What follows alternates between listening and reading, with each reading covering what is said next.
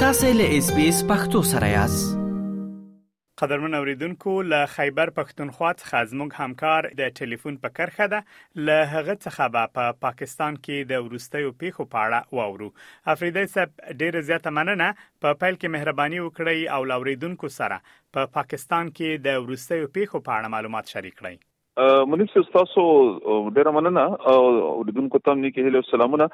په خبر پښتونخوا او پاکستان کې چې کوم لوی خبرونه دي نو پاره کې یو د تورخم دروازه د ډرایورانو افغان ډرایورانو ته د ویزې او د پاسپورت د شرط د خودولو د یو ورځې تړلو نو ورسته بیرته پرانستل شوې ده په بل در چې په خبر پښتونخوا قبایلی سیمو کې د یو سلو 15 اتیا ترورستانو لیست د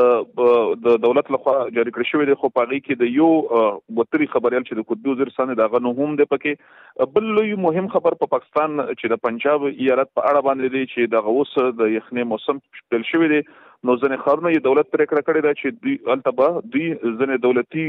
ادارې او د شانتي شخصي کاروبارونه چې دی هغه د خلکو پر مخ وتړي ځکه چې الته کې د سموک یا د لوګي چې کوم ستونزه ده هغه په یخنانو کې هغه د انساني ژوند لپاره یو لوی ګواښ دی افریده صاحب تاسو د ترهګرۍ یو لست ته اشاره درلوده که په دې اړه معلومات شریک کړئ چې دا لست د چا لخوا نه خپور شوی دی او دغه خبریال چې تاسو ورته اشاره درلوده د د خبریال نوم ولې په دې لست کې شامل ده منیب صاحب دغه تروریستانو لست چې هغه د د ترهګرۍ د مخنیوي ځانګړي ځواک یا سی ټي ډي چې د غي لخوا تیر ورځ خپور کړی شو او پای کې د یو سلو اتیا تنانو نمونه او د غي د پنځندن پاڼو نمبر او د شانتي بشپړه د غي د کورنۍ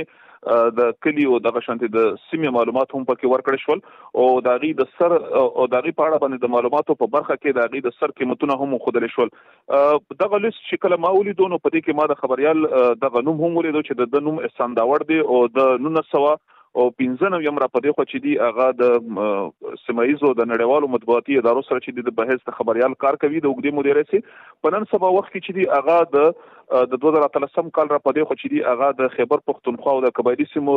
د قدرتي افتونو د شوې تلافاتو د بیا رغونې اداره کې چې دی د ویان په توګه باندې دنده تر سره کوي نو داغه نوم هم په دغه لیست کې راغلی وو چې ما څنګه ولیدو نو ما هم سره تماس ونیو ما د دنه تاسو کو چې تاسو د نوم په دې کې راغلی دی نو هغه تایید کړ چې او زما نوم په دې لیست کې راغلی دی او هغه د ډیر لوی پریشانې سره مخامخ دي او کورنۍ او خپل خپلوان هم د ډیر اندېښمن کړي دي دغه لیست نو دا چې دی په دې لیست د خبرېدو سره د دغه نوم پر اتلو سره چې دی خلکو په ټولنیزو رسنیو کې هم چې دی په دولتي ادارو باندې سخت نیوکه وکړي او وی ویل چې کداغه شانتي د بغوري څخه کار اخستل کیږي نو د دې سره چې دی د خلکو بشري حقوقو چې هغه تر خپل اند کیږي او په تیر وختونو کې هم ځنې دغه شانتي پیخره مخه ته شوې دي افریدی صاحب د تورخم دروازه ولې د وی ورځې لپاره بنده شوی و او څنګه بیرته خلاص شوه ملي صاحب دغه د پاکستان پاکستاني مقاماتو له خوا چې دي افغان هغه ډرایورانو ته چې پاکستان ته مال مال وړون مال مالونه وروړي په گاډو کې هغه ډرایورانو ته دغه شرط خودل شوی وو چې دوی به بغیر له پاسپورت او د ویزې پاکستان ته سفر نشي کولای او پر دوی باندې به بندیز وي د دین او بیا چې دی د دین وړاندې درې ځله چې دی هغه پاکستان وخت وخت باندې دوی ته د غنټې و خو دلې چې تر هغه پورې دوی د غسنات برابر کړي خو پر دې باندې د په بشپړ توګه سکار ونه کړی شو نو له هغه ورستو پاکستان دغه د افغان ډرایورانو بغیر لوي زیو د پاسپورت د هغه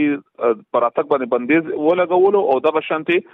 په تورخم پوله باندې کاروبار چې د تیر ورځ د یوې ورځې لپاره په بشپړ توګه ټول او تړل شو او دغه شانتي چې څومره مال وړونکي گاډي وو د یو خو بل خو چې دی هغه ودرېدل د یوې ورځې د تیرېدونو وروسته پر مخام باندې د دوړو هوادونو په پولیس ساتونکو ځواکونو او دغه شانتي د ګمرک چارواکو ترمنځ غونډه وشوه او په هغه کې دغه پریکړه او په دې باندې سلاح شول چې دغه یو لوی ستونزه یا مشکل نو کابل او اسلام آباد به په د دې د ستونزې د حل لپاره کار کوي نو باید چې په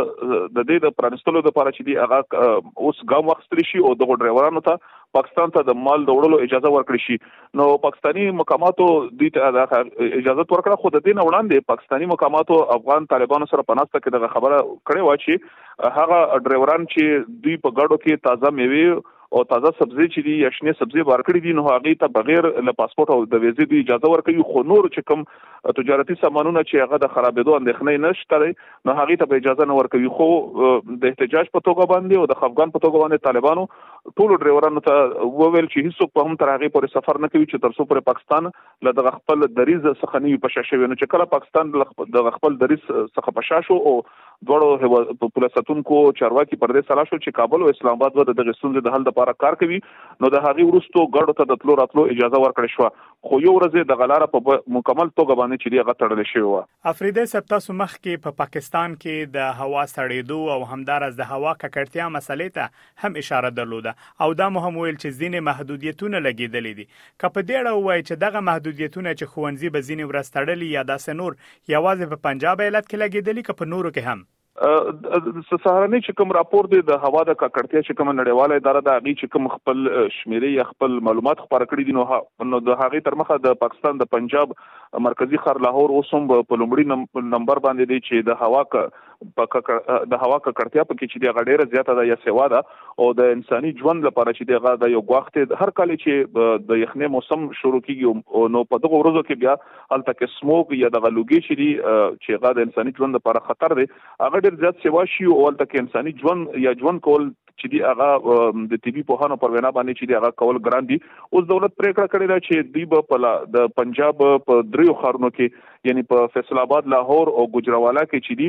دوی لړنمحاله چې دی هغه لاک ډاون لګی او د دې مهال ویش دی ټاکلې دي چې د کاروباري مرکزونه به لمسپخین ورسره پرانستل کیږي په د اتوار په ورځ باندې په بشپړ توګه د تجارتي مرکزونه تړل تړل شي وي دغه شانته مکتبونه او دغه شانته چې کم نور دولتي دفترونه دي